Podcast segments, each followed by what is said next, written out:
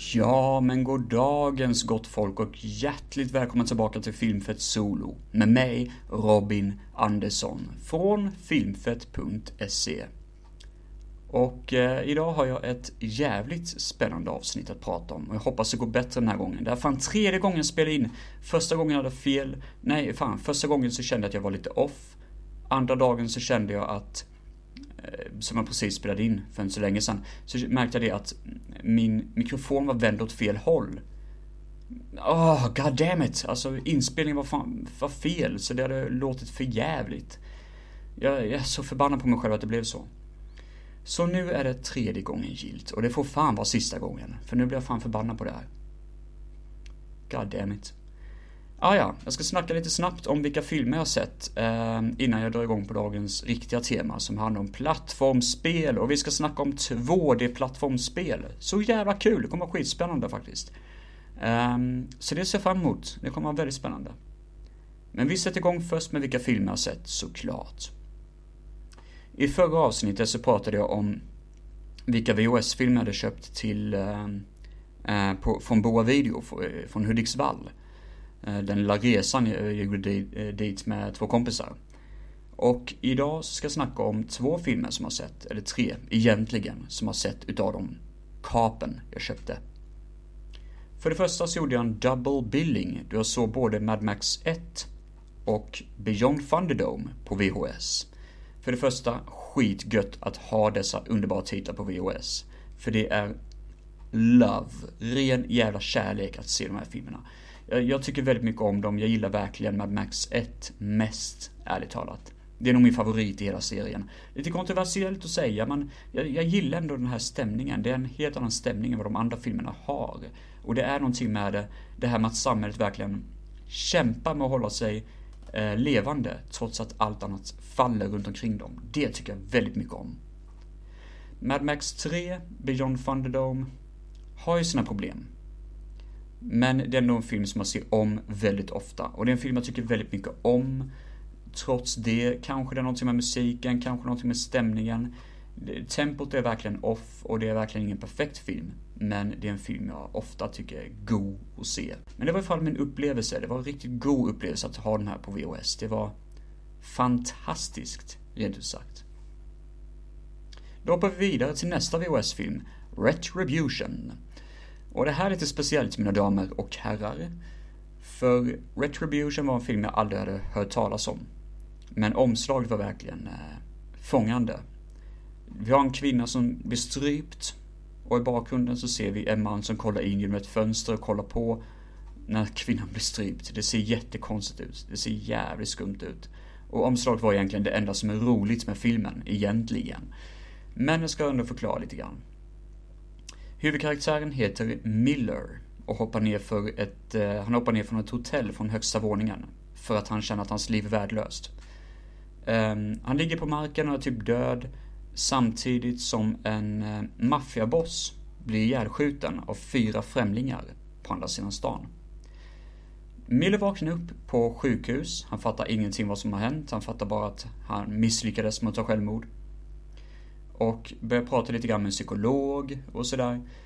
Men eh, helt plötsligt så inser han att det är vissa minnen och vissa fragment, drömmar och konstiga händelser som man inte riktigt fattar, som man tycker var förverkliga. Och sen börjar han läsa i tidningen om att folk har dött under mystiska omständigheter. Och då fattar han ju att det är någonting med honom, att han märker av det här. Vi som tittar på filmen fattar ju väldigt tidigt att han är ju besatt av någon typ av demon. Att det är den här eh, skadade, eh, vad kan man säga, Vinny, eller vad fan heter den här mafioson. Som har kommit tillbaka från de döda för att hämnas på sin egna död. Och att han använder då Millers kropp på natten för att begå dessa mord. Och det låter coolt, det låter riktigt nice. Problemet är bara det att jag tycker alla dödsscenerna är väldigt utdragna. Och det på, alltså, eh, påminner väldigt mycket om... Um, vad fan heter den? Deadly Premonition på sig. Det är ett tv-spel. Vad uh, fan heter den? I alla fall, det är typ någon film där några ungdomar dödas av döden, typ. Alltså såna jätteutdragna och... Uh, Final Destination heter den. Just det, Final Destination. Och Retribution har samma problem. Att alla dödsscenerna är jävligt utdragna och nästan lustigt komiskt dåliga. Men det blir inte ens komiskt dåligt, det blir bara att man sitter och gäspar och kollar på klockan och bara Alltså, jag fattar att ni försöker vara stiliga men det Det drar bara ut på tiden och det blir segt och det blir fan inte kul att se alltså. Sen tycker jag att han som spelar Miller gör ett jävligt bra jobb som den här nördiga och nervösa huvudrollsinnehavaren. Däremot, när han ska bli bad guy så bara skrattar han jätteostigt och typ använder sina psychic powers hela tiden och sådär. Det, det, det, är en jävla kontrast som inte riktigt går ihop sig. Han, skådespelaren är väldigt bra på dramaroller och tydligen, var tydligen utbildad dramaskådespelare.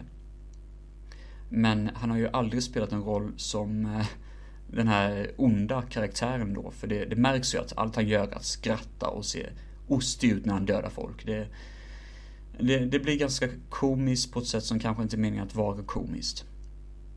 I alla fall, Retribution är helt okej, okay. det är väl ingen superbra film. Det finns ju vissa kvaliteter där, men det är ingenting sådär wow. Och jag känner rent spontant att jag tror faktiskt att fansen, eh, för det finns vissa där ute som tycker om den här filmen. Men jag tror nog att um, det här är nog mer deras film än vad det är min film, så att säga. Så ge den en chans om ni tycker den låter intressant. Jag tyckte bara den blev lite seg. En film jag lånat av en kompis heter Tourist Trap. Även känd som Dödens mannekänger. Och vad vi har här är några, alltså en ganska intressant story överhuvudtaget. För det här, det var en massa filmer under tidigt 80-tal som blev bannade från svensk marknad. Som inte fick komma ut på svenska marknaden överhuvudtaget. Och Tourist Trap var en utav dem. Med den otroligt charmiga svenska titeln Dödens mannekänger. Jag älskar den svenska översättningen, det är fantastiskt. Tourist Trap handlar i alla fall om att ett gäng ungdomar kommer till ett museum, det är massa mannekänger överallt, dockor, skyltdockor och det är något dockmuseum överlag, typ. Och eh, det här stället har varit väldigt nedgånget och ägaren säger att ja, ah, det händer inte så mycket här typ. Men så är det en seriemördare som går runt och dödar folk. Och vem kan det vara? Frågetecken, frågetecken, frågetecken. Eh, det låter som att jag inte tycker om det, men eh, i ärlighetens namn tycker jag den är skitskön. Storyn är väldigt klyschig, men vem bryr sig om det. Man, man, får ju det man vill ha liksom. Man får riktigt obehagliga dockor, eh, ganska coola dödsscener och till och med lite övernaturliga krafter som kändes lite taget från ingenstans, typ. Sen är det en film att, alltså som vanligt när det kommer till den här typen av genre så brukar första dödsscenen vara det absolut mest explosiva. Och visst, så är det här med, men det är, ändå, det är ändå gött att se hela filmen. Man vill ändå se hela filmen efter den scenen. Och man blir inte besviken, absolut inte. Så jag tycker faktiskt den höll väldigt bra. Eh, Dödens mannekänger har också som sin största styrka att de här dockorna som finns överallt i hela filmen är riktigt obehagliga att kolla på. Det är någonting intressant när en dockas mun, käften öppnas upp och typ skrattar som en häxa typ liksom. Eller typ väser och stönar så fort någonting händer. Ja, det, det, det är som att det är riktigt obehagligt faktiskt. Det är en jävla skum miljö. Och jag tänkte när jag såg första dödsscenen att jag tänkte vad fan är detta övernaturligt? Vad är det som händer liksom? Och um, man får ju inte så mycket svar, men det, det, är inte det jag letar efter heller, utan jag letar efter underhållning och det är det jag får. Tourist Trap är underhållning och jag rekommenderar den för er. Det kan finnas en risk, är det en chans, hur man än ser det, att jag kommer snacka lite grann om mördardockfilmer i framtiden. Och vill ni höra på detta så är det bara att säga till för eh, det hade varit ett jävla kul tema att prata om. Och då kommer Tourist Trap, även känns som Dödens mannekänger, i så fall komma tillbaka. Jag vill ändå snacka om det nu för att jag har den så pass fresh out of my mind, så att säga. Precis kommit ur skallen eh, eftersom att jag precis har sett filmen för inte så länge sedan. Så då är det smartast att snacka om den redan nu. Men eh, solid underhållning och eh, garanterat en film värd att se. Sista rullen blir en mexikansk kopia av Star Wars. Japp, ni hörde rätt. Kul va? Eh, det här jag kommer faktiskt inte ihåg den riktiga titeln. Men tydligen så gjordes den 1978, ett år efter första Star Wars. Jag såg den tillsammans med några grabbar från en filmgrupp då. Och vi googlade fram det att huvudskådespelarna är tydligen folk som är komiker. En komikergrupp som påstår sig vara som Monty Python. Men vi, vi säger mer att det är som Benny Hill typ. Um, lite slapstick-humor och lite sådär. Och det är det verkligen, i hela filmen. Men de, vi, vi, tyckte det var konstigt när vi såg filmen för vi tänkte fan vad vana de är. Alltså de, de är ju ganska bra ändå på att göra skämt och sådär. Det känns som att de har gjort det flera gånger innan. Och det hade de ju. Um, den här filmen har ju allting som originella Star Wars har. Biljaktscener i jeepar. Utomjordingar som kidnappar människor av oklara anledningar. Eh, Darth Vader dyker upp i filmen, men precis som Darth Vader i Star Wars så är han bara med i två scener, gör typ ingenting, får stryk jättelätt och försvinner typ i filmen helt och hållet. För som många gånger, vad, vad, vad vill skurkarna egentligen göra typ? Precis som i Star Wars så är eh, Star, alltså alla Stormtroopers jävligt dåliga. Men i det här fallet så är de så dåliga att de inte ens rör sig. De står fan helt stilla. Det är fem stycken som står på rad och blir ninja-kickade i magen typ. Och de rör sig lite grann som att ah, vi ska försöka stoppa det typ. Men de gör inget motstånd överhuvudtaget. Det är som att man tror att de faktiskt tycker det är kinky och kul. Vi får Chewbacca i filmen, eller Tugback som han heter på svenska. Eh, men det är ju inte riktiga Chewbacca såklart, utan det här är en gubbe som har på sig alldeles för tjock, lurvig hundmask nästan, i stort sett.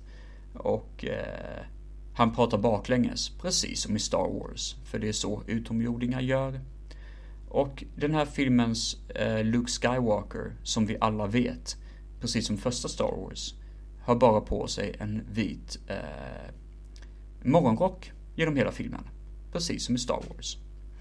Eh, det dyker upp kvinnor helt random. Det slängs någon rökbomb och de bara poffar upp och det är ingen som ställer frågan var fan de eh, dök upp ifrån. Men de är med resten av filmen. Vi har eh, oerhört skön diskomusik. Som spelas på en nattklubb såklart. Vilket är härligt. Och vi har lite dance-off också, rutin. Fighterna tar alldeles för mycket tid och är alldeles för långa alldeles för flummiga, men också alldeles för roliga. Vi skrattade så vi höll på att dö. Jag kan säga så här, mexikanska Star Wars är i ärlighetens namn, handen på hjärtat, jävligt rolig att se. Med gött umgänge och jag rekommenderar det som en dålig film.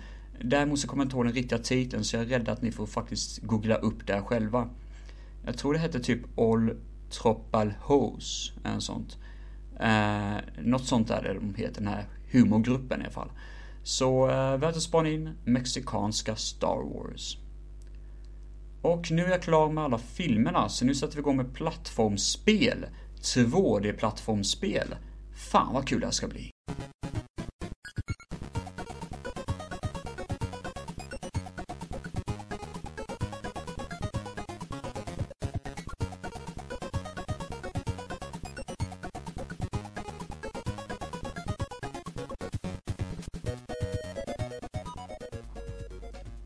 Kirby's Adventure till Super Nintendo är någonting som jag verkligen växte upp med. Jag ska väl säga att jag hade faktiskt inte konsolen hemma, men jag fick en emulator av min brorsa när jag var typ 12 kanske, eller något sånt. Nej, det var kanske till och med innan dess. Jag satt i alla fall hemma på datorn och eh, spelade alldeles för tidigt. Farsan blev tokrasig klockan sex på morgonen för att han hörde hur datorn sattes igång och hur jag satt och spelade. Och det var typ tredje dagen i rad också. Kirby's Adventure handlar om att man spelar en rund boll, en rund cirkel med fötter och ben direkt kopplade till bollen. Och en glad mun. Han är jätteglad Kirby. Och Kirby springer runt i färgstarka miljöer. Han kan blåsa upp sin kropp stor som en ballong och så kan han flyga över olika objekt i banan helt enkelt. Men han har också en annan förmåga. Han kan suga in fiender i någon typ av virvelvind nästan, in i sin mun. Och så kan han antingen svälja dem eller spotta ut dem som ett skott mot andra fiender. Han kan också göra en annan sak. Han kan sno fiendernas krafter. Det är hans förmåga. Hur jävla nice är inte det? Så om du trycker på en viss knapp så kan han nämligen sno åt sig eh, skurkarnas förmågor. Låt oss säga att du möter en liten blob som typ kan alstra el från sin kropp. Eh, han kan inte röra sig när han alstrar el, men det är ändå liksom att hela han blir som en sköld av elektricitet som typ kan sappa ihjäl dig. Då kan du sno den kraften äta upp skurken och sno den kraften. Och eh, alla fiender som försöker attackera dig får en stöt. Och eh, ja, så kan du gå vidare helt enkelt. Men som sagt, blir du slagen en gång så tappar du den förmågan. Men du har ju oändliga möjligheter till att hitta fler förmågor genom spelets gång. Vissa krafter är till och med riktigt overpower, som typ eh, man kan få mikrofon och typ skrika i den och skriker Kirby i den mikrofonen så dör alla i omgivningen. Men du kan bara använda den kraften tre gånger, har jag för mig det var. Det är i alla fall den gimmick som finns i Kirby och den gimmick som fungerar, enligt mig, väldigt, väldigt bra. Det finns också en overworld där man springer runt i en helt harmlös värld, väg, värld menar jag. Och du kan välja exakt vilken dörr du vill gå in i för att komma till en bana. Precis lite grann som Super Mario Bros 64. Fast detta är då 2D-miljö. Eh, Och det är väldigt avkopplande faktiskt att besöka denna overworld varje gång. Sen vet jag faktiskt inte om detta är bara den kopian jag hade av spelet. Jag vet inte hur de riktiga eh, utgåvorna av spelet är. Men då sparas spelet automatiskt. Jag, vill minnas att det var så i alla fall. Men hur det är på den riktiga konsolen, det vet jag faktiskt inte. Det kan jag tyvärr inte svara på. Men jag vill minnas att spelet sparas automatiskt, så det slipper man tänka på. Det finns också en del minigames som man kan komma in i. Exempelvis vilda västern-miljö. Ehm, där en, du möter en person på en, eh, en sån här standoff, mexican standoff kan man säga. Och då räknar en eh, liksom mätare ner. 3, 2, 1, shoot. Och då ska du dra så snabbt som möjligt och skjuta. Genom att trycka på en knapp då. Men det måste vara väldigt vältajmat. Och eh, ju fler personer du skadar, desto mer poäng får du. Eller desto mer hälsa får du. Jag kommer inte riktigt ihåg hur det gick till, ärligt talat. Det var så länge sedan jag körde. Det finns också en annan sånt minigame som jag tyckte var jättekul. Um, där man står i en boxningsring och en person um, kastar typ en massa objekt på dig. Antingen kan du blocka objekten, men då får du inga poäng. Eller så kan du äta upp objekten, men då får du poäng. Men det är ju inte så enkelt, utan helt plötsligt kan det komma en bomb flygande mot Kirby. Och äter du upp den så dör du, typ, eller du förlorar. Eh, det, det, det blir game over från det minigame, så att säga. Ett annat minigame är också det att man kan plocka upp, eh, man kan använda en sån eh, eh arkadmaskin, typ till att plocka upp sina plushie toys.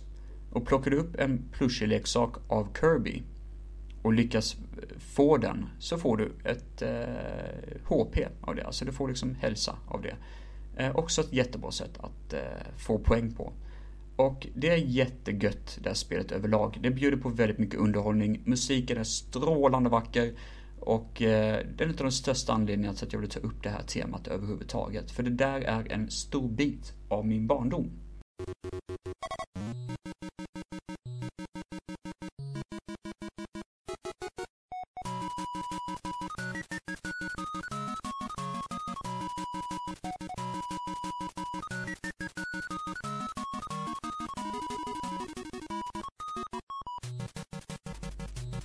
Jag klarade aldrig av spelet däremot. Slutbossen var alldeles för svår.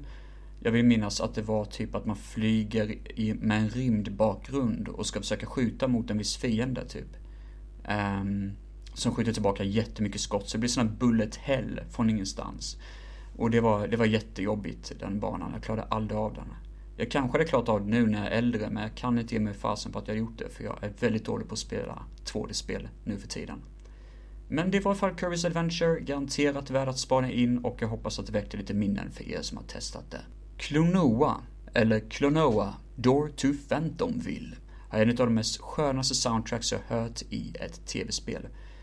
Det är otroligt gött soundtrack och det gör mig bara glad varje gång jag tänker på det.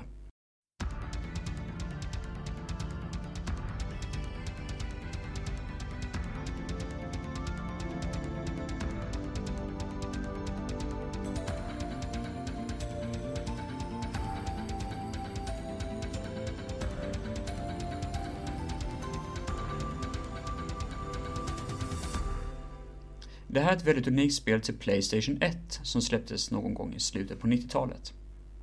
Eller mitt, alltså andra halvan av 90-talet om man säger så. Så det blir lite grann av en generationsskillnad från Kirby's Adventure, så att säga. Klonoa Door to Phantom vill, jag kan inte prata, ehm, är ett så kallat 2,5D-spel. Ehm, eller vissa kallar det för det. Jag vet inte fan om det är den riktiga tekniska termen men vissa YouTubers kallar det för 2,5D och jag tycker det stämmer överens rätt bra. Det innebär att man springer från vänster till höger precis som i vanliga Super Mario och vanliga ganska standard plattformsspel. Men det finns en 3D-animerad bakgrund. Eller förgrund för den sakens skull. Vilket gör att scenen kan ändå vrida på sig. Du kan ändå springa runt i en tredimensionell värld, men du kan bara styra karaktären i två eller, eh, ja, i 2D i stort sett. Så det ger en illusion av att du faktiskt är i en 3D-värld och det fungerar så jävla bra. För det ger mer känslan av ett riktigt liv bakom spelet. Och det tycker jag är helt magiskt. Det finns också förresten en tvåa på Klonoa men jag tror inte det kom ut i alla länder, för det här sålde tyvärr inte så bra. Klonoa 1 var tyvärr inte så stort i spelvärlden som man hade hoppats på, dessvärre. Vad handlar då Klonoa om? Jo, man spelar typ en kattliknande varelse som har händer istället för ögon. Han kan plocka upp fiender och hålla dem ovanför sitt huvud, typ blåsa upp dem lite grann som ballonger ser det ut som. Och sen slunga iväg dem mot andra fiender det makes no sense, men det är så det funkar. Eh, och sen så handlar det lite grann om att den här kattvarelsen har hittat någon konstig ring och det är någon mystisk prins, tror jag det är. Någon typ av varelse i ringen som ehm, kommer från en annan värld, typ. Och bara för att han har hittat ringen så kommer en annan demon från en annan värld som heter Phantom vill och ta över allting. Och demonen har på sig sån här klassisk, jag tror det kallas för Plague Mask. Det ser ut som ett kråkansikte. Typ en mask då liksom. Och en kappa runt masken som flyter typ. Sen finns ingen kropp till den här karaktären. Och han är jätteobehaglig, han har myskomörk röst och är riktigt creepy överlag faktiskt. Det är lite strange danger över det faktiskt. Eh, och han infekterar världen ehm, från sin mardrömsvärld, typ. Med hjälp av eh, olika monster och demoner som han möter. Ingenting läskigt, det är bara han som är läskig egentligen, men ändå. Sen är det väldigt mycket lore och story bakom Klonoa. För det var typ att det fanns olika, eh, alltså man kan se ett, ett monument i bakgrunden som tydligen är en gestaltning av en sångare. Och den sångaren dök upp senare i spelet. Så det är väldigt mycket lore och väldigt mycket sån här uppbyggnad för att vara 2D-spel. Det är helt sjukt. Det, ehm, det känns nästan som att det är nästan för mycket lore ibland. För jag kommer inte ihåg detaljer men det är väldigt mycket dialog, väldigt mycket sån här story bakom det och det slutade också väldigt sådär Wow, vad, vad fan kommer hända nu typ liksom? Så det är verkligen sådär eh, happy end, utan lite mer sådär okej, okay, det här kommer kanske ha konsekvenser med sig. Sen har vi inte kört tvåan, så jag vet faktiskt inte. Jag har aldrig kört tvåan. Jag vet inte fan hur det fortsatte. Det finns en bots som dyker upp som är som en gigantisk fjäril som flyger omkring. Och Klonoa står på en typ av ehm, eh, bro som typ svingas mot kameran, förgrunden och bakom eh, kameran då, eller bakom fjärilen, bakgrunden då. Förgrunden, bakgrunden, den svingar fram och tillbaka hela tiden. Samtidigt som fjärilen skjuter på dig. Grejen du ska göra är att du måste plocka upp vissa av objekten som fjärilen kastar på dig och kasta tillbaka på eh, vissa av de färgade vingarna. För att kunna skada fjärilen. Och det kan du endast göra från förgrunden. Vilket gör att den här 3D-designen på spelet faktiskt är inkomponerat skitbra i spelet. Det är inte bara en gimmick som används, utan det här används jättebra för att ge en känsla av kontroll, en känsla av eh, frihet även om det är bara 2D egentligen. Och det går egentligen inte att beskriva hur de lyckades med det. Jag tror nästan det bästa är att kolla upp någon video på det här, för det är eh, suveränt kul. Eh, jag spelade faktiskt Klonoa för första gången för bara något år sedan, typ, eller tre år sedan tror jag det var. För, eh, en av mina bästa somrar kan jag nästan säga, för jag satt här på sommaren, ehm, inflyttad mm, i lägenheten då. Och eh, spelade här på PC då, på en emulator. Och det var gudomligt. Alltså jag, jag minns att jag verkligen ville klara av spelet och det var så jädra gött bara liksom. Det, det går inte att beskriva. Det var... Det var länge sedan jag verkligen gick in för ett spel så otroligt mycket som jag gjorde då.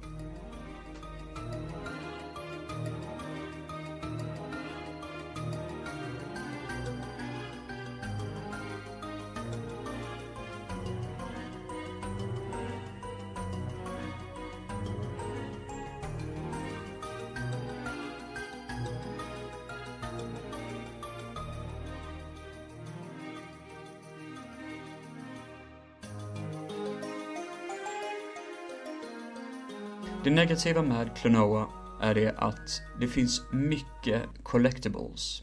Mycket diamanter och mycket saker du kan samla på dig för att få extra poäng.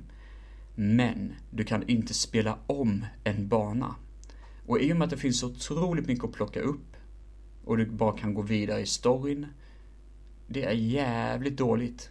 För jag menar, jag vill klara av allting, men då måste jag ju dö på en bana för att börja om allting och kunna ha en chans att hitta allting som jag faktiskt vill ha. Det makes no sense. Men eh, i alla fall, jag är ändå glad över att det, det ändå finns väldigt mycket återspelningsglädje, även om det inte är så kul att köra om hela spelet för att hämta de objekten man faktiskt vill ha. Jag tror det är så i alla fall. Jag är inte helt hundra, men jag lyckades aldrig hitta något sätt att gå tillbaka till banorna och spela om dem igen. Utan när du spelar om, eh, alltså när du spelar klart spelet så är det ja, bara att börja om helt enkelt. Och det känns ju inte så kul i ärlighetens namn. Då rullar vi vidare med Rayman, Rayman, Rayman. Jag ska väl säga att den här underbara tv-serien, spelserien. um, ehm, är jag ganska bekant med, men mestadels inom den fantastiska 3D-dimensionen. That's right. Ehm, jag är mycket mer intresserad av tredimension eh, när det kommer till Rayman. Rayman Revolution är faktiskt en av mina favoritspel. Och Rayman 2 är jävligt kul också.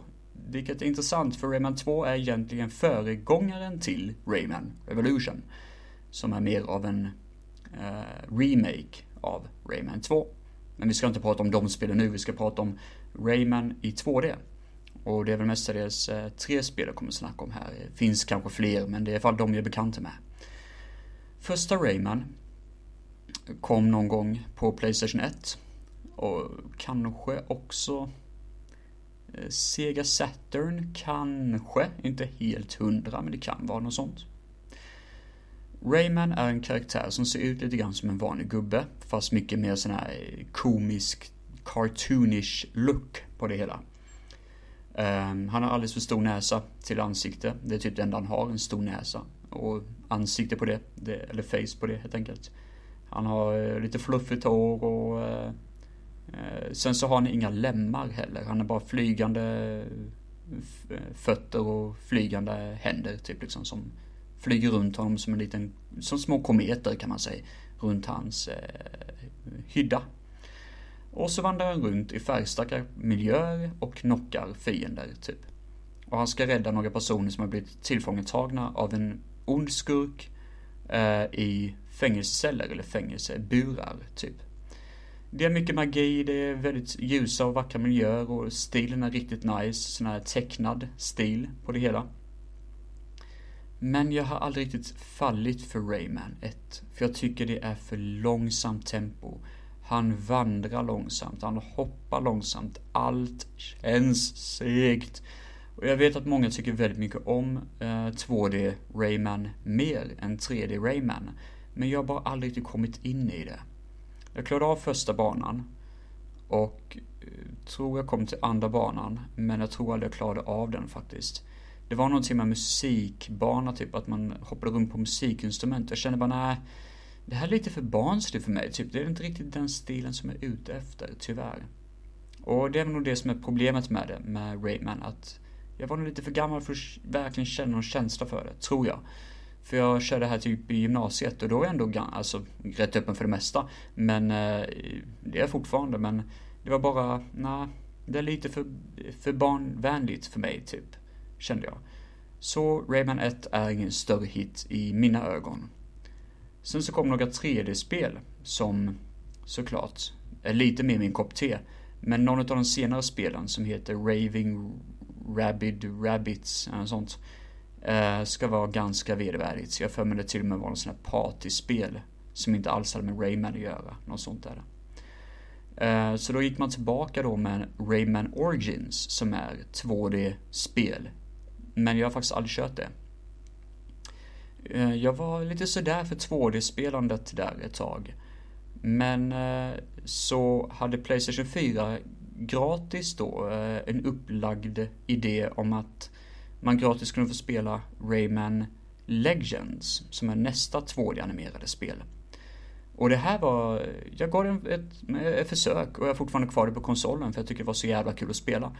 Eh, jättemycket content, man kan spela med vänner, man kan spela mot vänner, man kan spela fotboll i 2D, man kan göra jättemycket saker i 2D. Det är utmaningar, det är online-utmaningar, det är allt möjligt egentligen. Så det finns hur mycket som helst och hur mycket goa grejer som helst och det verkar fortfarande uppdateras konstant, liksom, som att det håller sig flytande hela tiden. Um, Storyn är ganska kul, eller alltså själva gameplay, det riktiga gameplay-aktiga är ju det som jag brukar gå efter, solo campaign så att säga. Och det är riktigt roligt. Det är häftiga miljöer och det absolut bästa är att det finns en viss typ av spelfunktion, ehm, eh, om man säger så. Och den här funktionen går ju på att det är fyra banor som är baserade på musik där musiken ackompanjeras med hur du hoppar, hur du skuttar och hur du slår. De har räknat ut att han måste ha sånt här tempo. De har lagt till att spelet faktiskt sköts med i tempot till typ en viss typ av soundtrack eller en viss typ av sång. Um, jag kommer in, Castle Rock heter en av de kändare låtarna. Uh, jag får spela nu för er.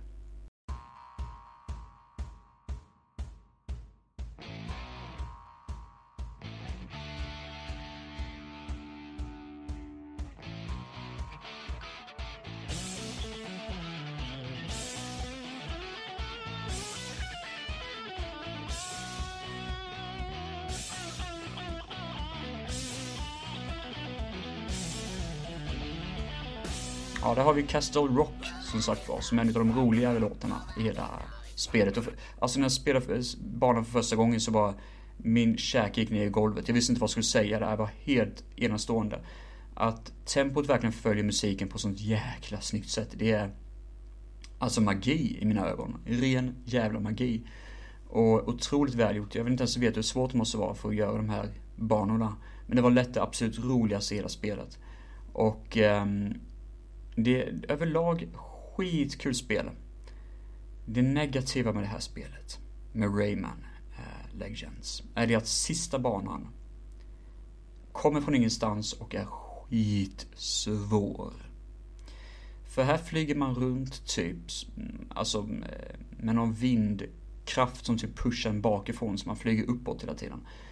Um, I nästan labyrintliknande miljöer med taggtråd eller taggbuskar, eld som sprutar ut, fiender överallt och du måste flyga på rätt sätt. Sen kommer du till bossen. Oh boy! Bossen är en skugga som läker sig själv och du måste skjuta varenda detalj av honom för att få död på honom. Vilket är praktiskt taget omöjligt. Medan han åker runt och flyger runt som en jävla stor hand. Och... Alltså jag får panik bara jag tänker på det. Jag hatar den jävla bossen. Så Rayman Legends är underbart underhållande och underbart kul, men vad fan tänkte de på när de gjorde den här slutbossen? Eh, det vill jag fan veta. Annars skitroligt spel och eh, de här två, alltså av de här 2D-spelen så tycker jag garanterat att Rayman Legends är magiskt. Men jag har aldrig kört Rayman Origins, jag vet inte ens om det är värt att köra det i och med att Legends kommer efteråt och visar sig vara så jävla kul. Men eh, det är i alla fall mina two cents på Rayman i 2D.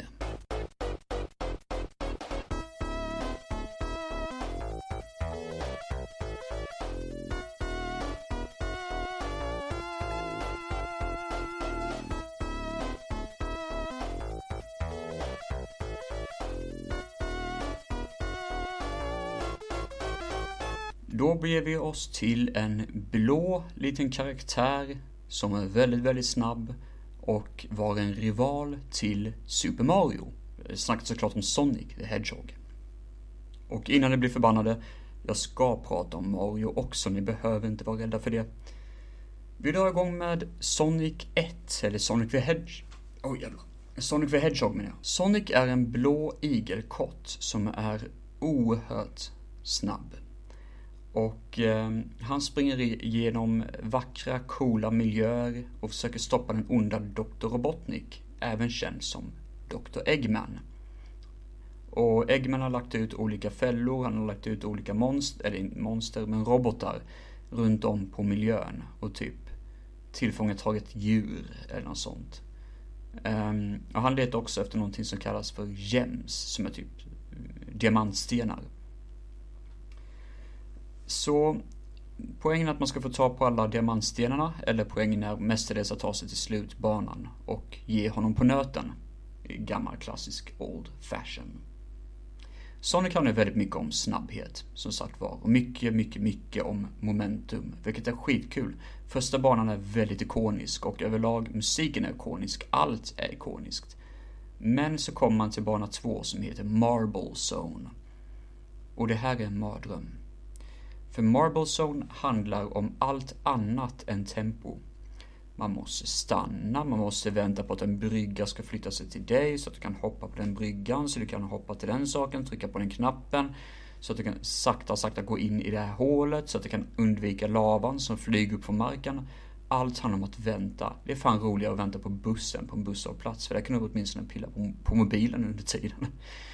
Um, och jag tycker Marble Zone är skittråkigt. Jag tycker musiken är tråkig också. Jag tycker allt med hela banan är hemskt själva layouten är ändå, alltså idén är ändå nice, för jag gillar miljön och allting. Och det är inte ofta en andra bana kan vara så ehm, full av miljö.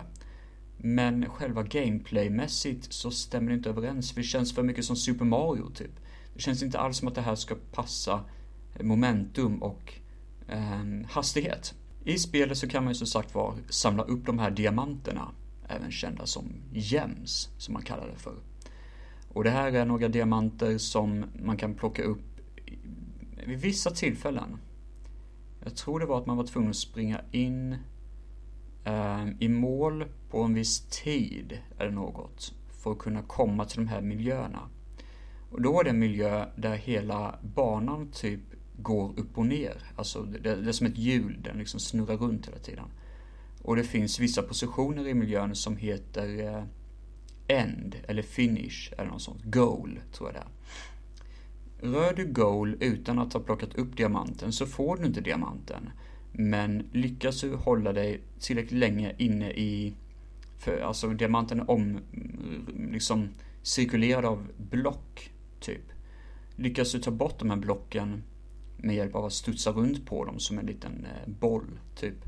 Så kan du faktiskt ta diamanten i mitten av rummet och då får du diamant och blir automatiskt eh, bortkallad till nästa bana.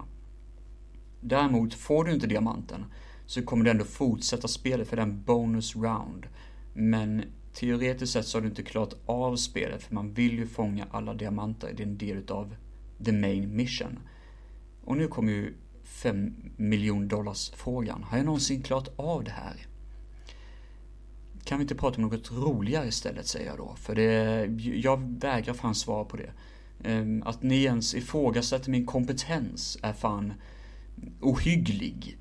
Ehm, det... Om jag klarat eller inte spelar fan ingen roll. Det... Jag... Ja, nu, nu, nej, nu tycker jag vi släpper det här och går vidare. Det där var en öm punkt. Jag tycker inte om det. Sen så finns det en massa ringar på varje bana. En massa gyllene ringar. Och samlar du upp 100 stycken så får du eh, mer hälsa såklart. Det, klassisk, det klassiska Super Mario-mentaliteten typ. Eh, ja, och det är väl egentligen inget nytt med det. Sonic the Hedgehog blev en succé trots Marble Zones förjävliga game design. Så man gjorde en tvåa. Man gjorde Sonic the Hedgehog 2. Och det här är enligt mig och enligt många andra en av de bästa spelen som finns. Jag vet att det låter löjligt men det är fan jävligt kul.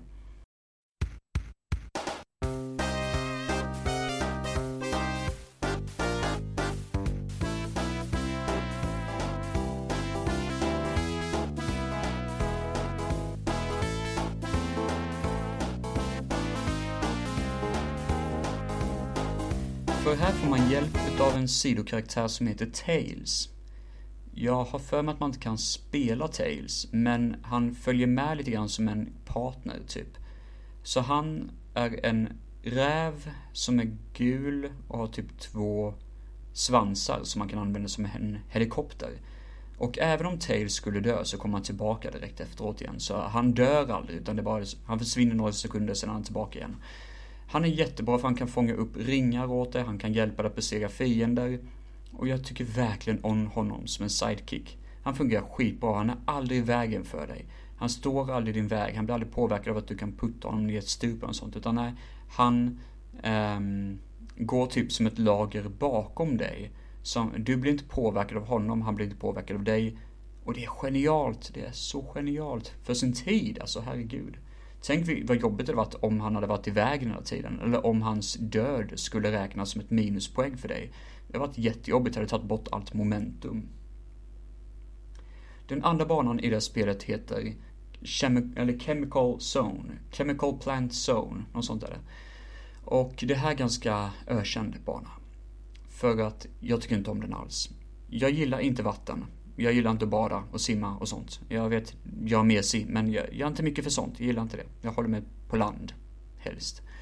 Um, men i den här banan så kan man bli instängd i ett litet rum. Och där kommer vatten stiga upp i rummet då. Så då måste man hoppa på några plattformar för att ta sig till ytan. Men man måste vara snabb och metodisk och det går långsamt under vatten. Plus att det kan börja dyka upp en viss låt. En låt som peppar upp hela tiden, sätter den här mystiken i att du håller på att tappa andan.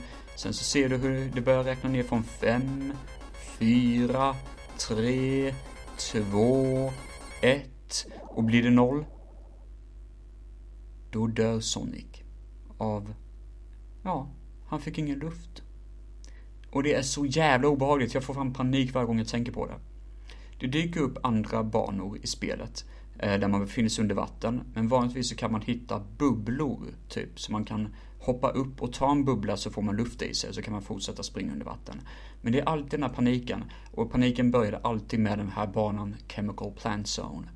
Och ehm, ja, jag vet inte varför, det, det, men det är någonting med den mentaliteten i samband med musiken som bidrar till en sån här eh, skrämmande faktor som, det finns ju inte någon normal människa som tycker att det här är kul att se på utan alla tycker att jag vill inte se Sonic dö och jag vill verkligen inte höra den låten när han dör.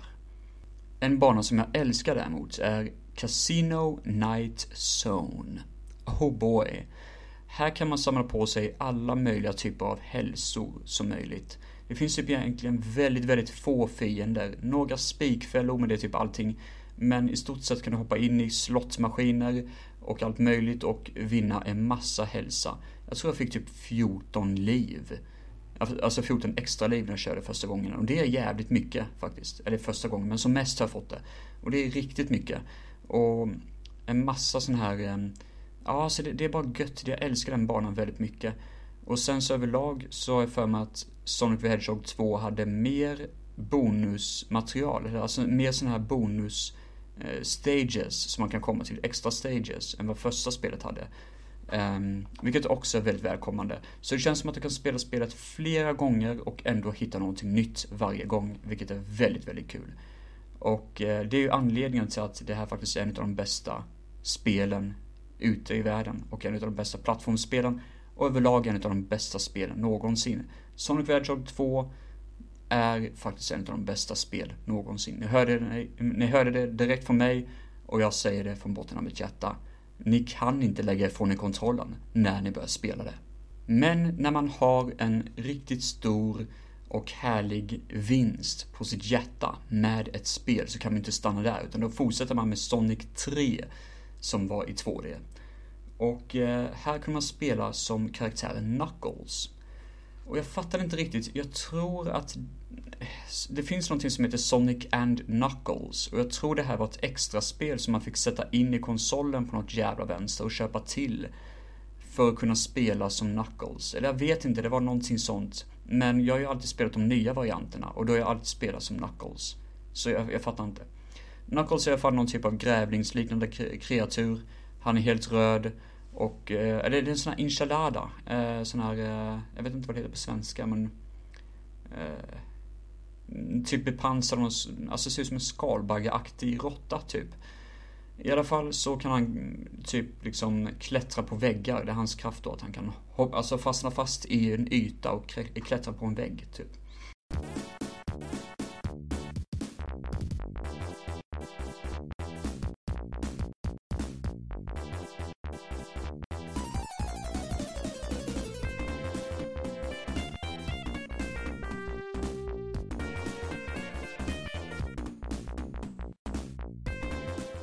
Det finns inte så mycket kul att säga om Sonic 3 tycker jag, för jag har inte spelat tillräckligt mycket av det. Musiken är jättekul och det, jag för mig det var väldigt sköna transitions mellan scenerna. Är du typ i en bana, säger vi, och det helt plötsligt börjar läcka vatten. Ja, då kommer du till nästa bana som är typ stage 2 då, säger vi. Och då är du i en vattenvärld, typ. Alltså, förstår ni mer? Det, det, det blir liksom en... Allting hänger ihop på ett jätteschysst sätt. Så att allting nästan blir som en enda stor bana. Och det dolls på ett väldigt vackert sätt tycker jag. Det är nästan som en konstform i sig. Som fördes vidare med ett senare spel som heter Sonic Mania. Jag för mig det följdes. Jo, det gjorde det. det. Då Sonic Mania gjorde samma sak faktiskt. Och det är ju skitkul. Jag kommer komma till Sonic Mania härnäst. Men det finns också en rolig skröna, eller en rolig berättelse. Att, jag tror till och med den är konfirmerad. Michael Jackson skulle göra musiken till Sonic 3. Men så upptäckte han att hans musik kom inte riktigt igenom på det sättet som han ville att det skulle göra. Vilket gjorde att han tyvärr gav upp det projektet. Men eh, man hör vissa toner ibland att påminna om hans senare eh, musikupplevelser, vilket är riktigt nice faktiskt. En rolig liten eh, food for fart när det kommer till Sonic 3. Um, ehm, inget spel som jag är jättebekant med som sagt var, men jag tycker det är väldigt kul. Jag har kört ett x antal gånger. Men mitt hjärta bankar ändå starkare för Sonic eh, the Hedgehog 2. Nu går vi vidare till Sonic Mania. Och jag älskar det här spelet så jävla mycket.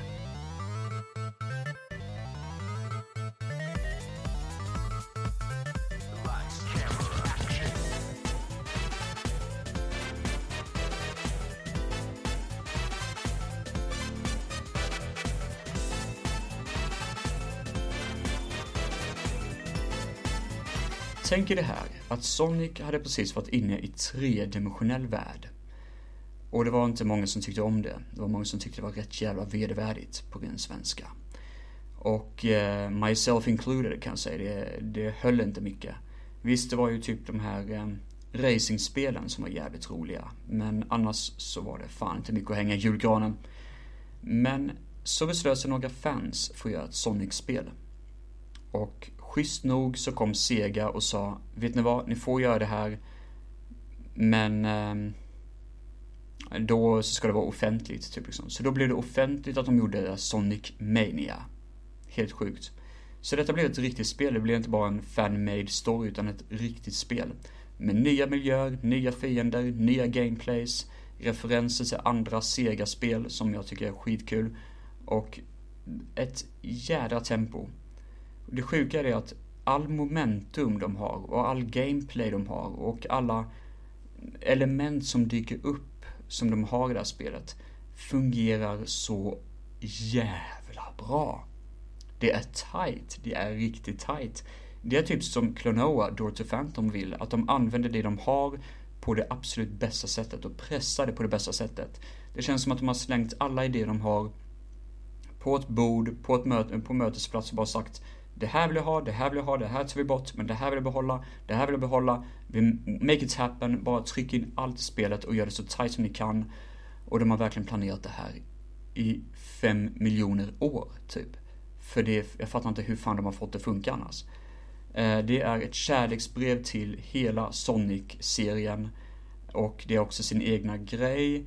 Och de gjorde också en eh, referens till ett spel som heter Sonic CD. Ett spel som jag aldrig har kört, men där man tydligen kan springa in i framtiden och det förflutna med hjälp av en liten eh, flagga, typ, i stort sett.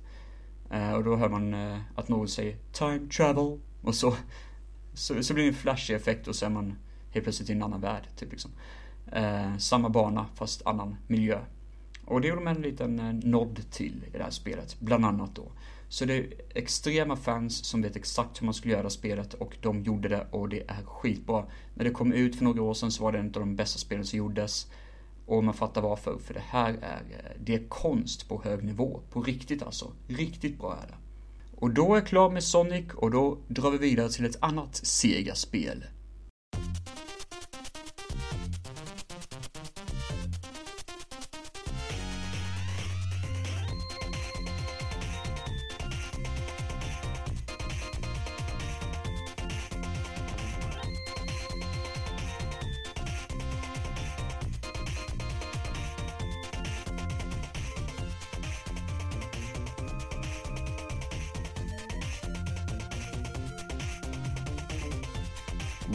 Rystar är ett spel som tyvärr inte blev så stort överhuvudtaget. Vilket gjorde att det tyvärr inte blev en franchise över det. Men Sega ville göra ytterligare en sån här eh, eh, karaktärsgubbe helt enkelt till sin konsol. Och ett asiatiskt team försökte göra Rystar. Idén här att det är en stjärna med händer och fötter och en glad min. Vilket faktiskt låter ganska tråkigt som en design på en karaktär. Det är bara en stjärna liksom. Men det sköna är själva storyn. För du befinner dig på olika planeter i galaxen. Åker från planet till planet och du spelar karaktären Rystar som upptäcker att någonting ont har hänt i yttre rymden då liksom. Och eh, då åker du från planet till planet och försöker stoppa någon ond komet eller vad fan det är. Jag kommer faktiskt inte ihåg storyn bakom det. Men varje planet har sin egna känsla bakom sig. Första planeten är en skogsmiljö. Där du upptäcker ganska snart att det är någon typ av eh, varelse som springer runt i bakgrunden typ. Men du kan inte riktigt se vem det är. Samtidigt som du springer runt och knockar lite skurkar och typ um, eh, attackerar folk. Och förresten, sättet att attackera på är att du typ använder din egna kropp som en eh, slangbella typ. Du greppar tag om en fiende, drar och så pushar du det framåt så att det blir typ som en, eh, som att du gör en body slam mot en fiende typ. Väldigt speciell attack som inte riktigt går att beskriva men sen så kan du använda dina långa lemmar till att greppa tag med saker och typ liksom eh, slunga iväg dig och typ, ja, använder dig, din kropp som ett vapen i stort sett, vilket är ganska nice idé. Första riktiga bossen är som en stor orm som åker runt i random hål som du måste försöka liksom memorera, eller memorera och försöka attackera den här ormen då. Och eh, nästa den riktiga bossen på den banan är typ en äldre gubbe som flyger runt. Och eh, du attackerar honom och sen så inser du att han blir typ skadad och faller ner på marken och så är det någon liten svart, äh, äh, äh, alltså det, det, det, är någon annan grej, typ någon sån här mm, som sitter, sitter på hans rygg som typ flyger upp i luften och sånt. Um, och då visar det sig att egentligen är han typ den planetens beskyddare, tror jag det ska vara. Eller typ någon gud eller något sånt. Och att han har blivit då besatt av någon ond demon, men nu har du hjälpt honom att inte bli besatt mer, typ. Och då fattar du att, aha, så det är en tanke bakom varje stage. Det är inte bara det att, ja det här är skogsmiljö, utan det, är det att det finns också någon typ av idé bakom miljön bakom det. Det känns någonting som känns mer riktigt än att det bara är ett 2D-spel, typ. Och det är det som är så synd att spelet inte blev större, för det är också det att det dyker upp lite sådana här små, mindre pussel som dyker upp inne i varje stage, alltså varje, eh, vad ska man säga, varje level som du får lösa. Och det är det jag tycker om med det hela, att det känns som att det skulle kunna vara skitstort. Hade det varit ett 3D-spel idag så hade det varit en otroligt stor franchise med mycket variation och mycket lore, mycket story och nästan vara lika, vara lika stort som Ratchet Clank kanske till och med. Men tyvärr så blev det ingen stor succé och vi kommer aldrig se Rise Star 2 eller någon franchise på detta. Vilket är skittråkigt. Får ni chansen till att köra Rise Star så ska ni garanterat ta det. Tro mig, det är värt varenda stund. Nu har jag pratat tillräckligt mycket om Sega. Nu ska vi gå in i Nintendo.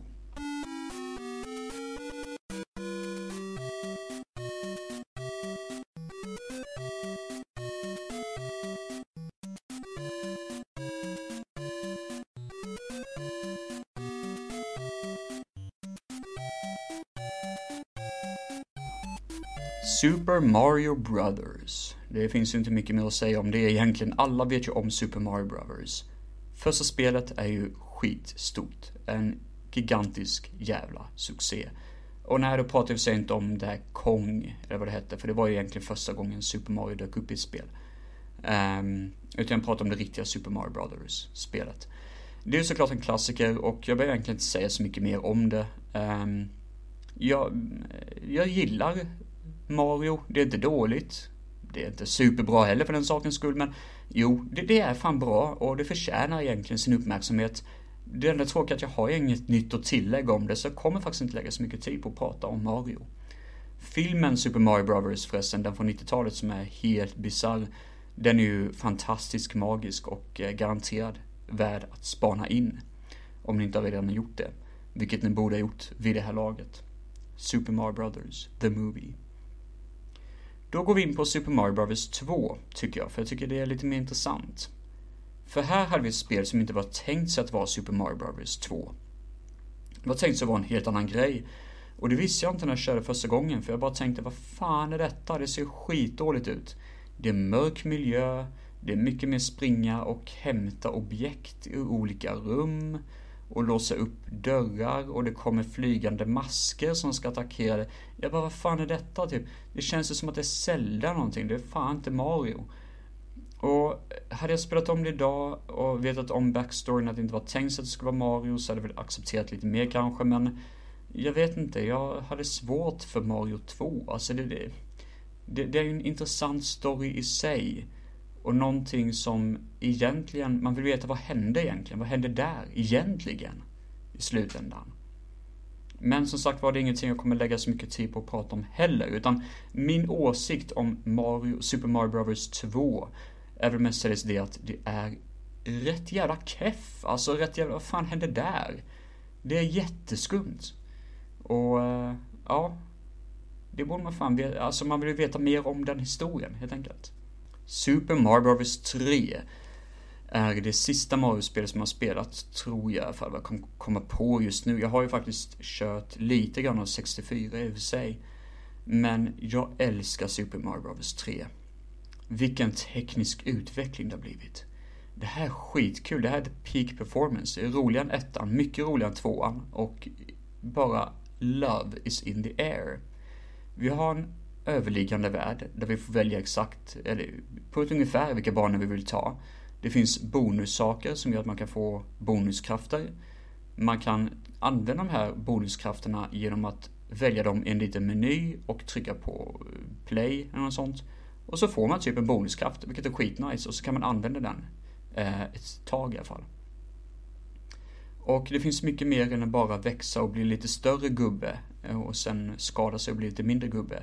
Och mycket mer än att äta en, en um, växt som får dig att skjuta eld eller kasta eld ur din näve typ. Det är mycket mer än bara det. Och det, jag gillar det som fan. Det är härligt. Det är riktigt härligt. Det, det, det, det är så mycket på något vis. Det är så mycket i det här lilla spelet. Du kan klättra upp bland molnen tack vare en sån här stjärnbalk, typ. Och därför kan du typ skippa vissa segment av spelet tror jag. Och det är det att varje bana känns som att det har sin poäng. Jag för mig också om jag inte minns fel att det är här solen dyker upp för första gången. Den här solen som är livsfarlig och typ kan bränna dig om han flyger för nära dig. Ehm, det kan också vara det här spelet där spökena dök upp för första gången. Att om du vänder ryggen mot spökena så kommer de flyga mot dig. Men vänder du dig mot dem så kommer de stanna. Typ. Uh, har för mig det, men jag kan ha fel. Det kanske till och med var första Super Mario. I alla fall, älskar det. Uh, älskar också det här pirattemat som finns. För uh, det är ett piratskepp som dyker upp helt plötsligt och så ska man skjuta sig igenom det. Eller ta sig igenom det samtidigt som det är massa sådana här kanonkulor som skjuter kanonskott mot det och allt möjligt. Och gigantiska kanonkulor också som flyger från höger till vänster och allt möjligt. Um, ja, alltså jag har bara positiva minnen av Super Mario Bros 3 och eh, också, precis som Kirby's Adventure, en del av min uppväxt. Även om jag kom längre på Kirby's Adventure än vad jag gjorde på Super Mario Bros. Nu går vi vidare på Quackshot och DuckTales. Och jag kör en snabbis här bara, för jag känner att jag kan, precis som i Marios fall så kan jag inte det här tillräckligt mycket. Um, men det här är ett spel som ni säkerligen känner igen. Quackshot är ett spel som finns på Sega Genesis. Jag har det faktiskt i fysisk format. Um, har för mig också att jag har ganska goda minnen av att någon av mina syskon körde det här när jag var liten. Um, här spelar man Kalle Anka Donald Duck då, det är att du, du har fått tag på någon skatt, alltså någon skattkista eller något sånt. Eller, eller nej, du, du, har fått veta att det finns en skattkista som du ska jaga efter. Och du åker mellan olika miljöer på en karta. För att hitta nycklar och sånt. Men det intressanta är att det här är nog första spelet jag känner till i alla fall, där man kunde åka till en bana, komma till en viss segment och så kunde en person säga Ja, fast du kan inte komma längre. Du måste åka hit och hämta den här saken först. Och då var du tvungen att gå tillbaka. Eller sätta en, eh, alltså åka tillbaka till en annan bana. Och gå igenom den och göra en sak där. Och då kunde den säga, nej du måste åka hit först. Då fick du åka till en tredje bana och åka dit och hämta en sak där som du sen fick ta till andra banan. Som du sen fick ta till första banan, typ. Alltså, det är riktigt genialt upplägg. Sen är det ett väldigt kort spel. Jag tror man kan klara på typ 40 minuter om man är väldigt snabb. Um, du använder ett vapen som du försöker ta ner busarna med. Jag tror de här eh, busbjörnarna, eller vad de heter. Jag kommer inte riktigt ihåg vad de heter, de här björn... Jag tror det är björnar i alla fall, björnbusarna, tror de heter. Eh, det är en sugpropp som du kan skjuta ur pistol. Som kan få dem att fastna i luften. Sen kan du också ta popcorn och skjuta dem och då typ dör de, tror jag. Vilket blir väldigt våldsamt helt plötsligt, typ Mortal Kombat. Nej men de blir skadade i alla fall. Ehm, och sen så kan du också du kan göra någonting annat med, men jag kommer inte ihåg vad fan det var då. Ja just det, du kan skjuta någon bubbla typ. Men jag kommer inte ihåg vad bubblan gjorde. Nu blir jag faktiskt osäker. Ni kanske kommer ihåg det. Jag, jag minns inte riktigt vad bubblan gjorde för attack. Eh, men jag tror bara den var, alltså att den bara kunde göra attacker mot vissa karaktärer. Eh, Nej, det minns jag inte. Nu blir jag faktiskt osäker här. Eh, I alla fall, det är lite grann vad man kan göra då i spelet. Mysigt spel. Jag, klarade in, jag har inte klarat av det ännu vad jag vet. Jag har blivit ganska trött på det efter ett tag faktiskt. Men det är roligt och eh, det är lite random här för man kommer till, till en sån här egyptisk bana och helt plötsligt så dyker han upp, eh, vet han, eh, Janne Långben. och han står typ bara där bara ah, tjena, jag måste ha gått fel. Uh, I alla fall, jag kommer inte längre. Hej då, typ något sånt. Och så säger han då att man ska leta efter en viss nyckel eh, som man ska hitta. Jag tycker bara det är random att han bara står där. Vad fan gör han där liksom? Det är jätteskumt. Um, ja men Quackshot är ganska nice faktiskt. Jag rekommenderar det för uh, folk som tycker det låter mysigt. Ducktails då. Får väl vara kvällens, eller avsnittets sista innehåll. Ja, alltså för det första, det här är ju helt fantastiskt. Det, det här är ju en av de bästa spelen som finns också faktiskt, det måste jag faktiskt säga. Det är en av de bästa spelen som finns. För du spelar som uh, Uncle Scrooge, nej det är det inte. Um, Uncle Benjamin, eller vad heter han? Nej, fan heter han? Ja, uh, Uncle Duck, nej jag kommer inte ihåg vad han heter. Uh, uh, den här rika jävlen i Kalanka. Uh, ehm, du spelar som honom i alla fall. Uh, och så springer du runt med en käpp som du kan hoppa på. Du kan studsa med käppen. Och eh, landa på fiender och eh, landa på skattkistor och allting och knäcka skattkistorna. Och landa på sten tror jag också, knäcka sten och sånt. Och du, du kan studsa runt med den samtidigt. Och så kan du gå såklart också liksom. Så det, det är ingen fara, du kan fortfarande gå. Eh, men det är ganska snabb hastighet, tycker jag faktiskt. Det var ganska snabbt gjort. I olika miljöer som man befinner sig i. Det finns tydligen också DuckTales 2 som också har olika miljöer, men annars är det i stort sett samma sak. Du kan också använda käppen som en eh, slagpinne till att slå undan typ stenobjekt och sånt. Och eh, kanske till och med knocka ner fiender med att använda det som en projektil, som en fiende. Typ. Eh, den absolut kändaste låten i hela spelet är ju utan tvekan Moon Base, eller vad den heter, Moon Level.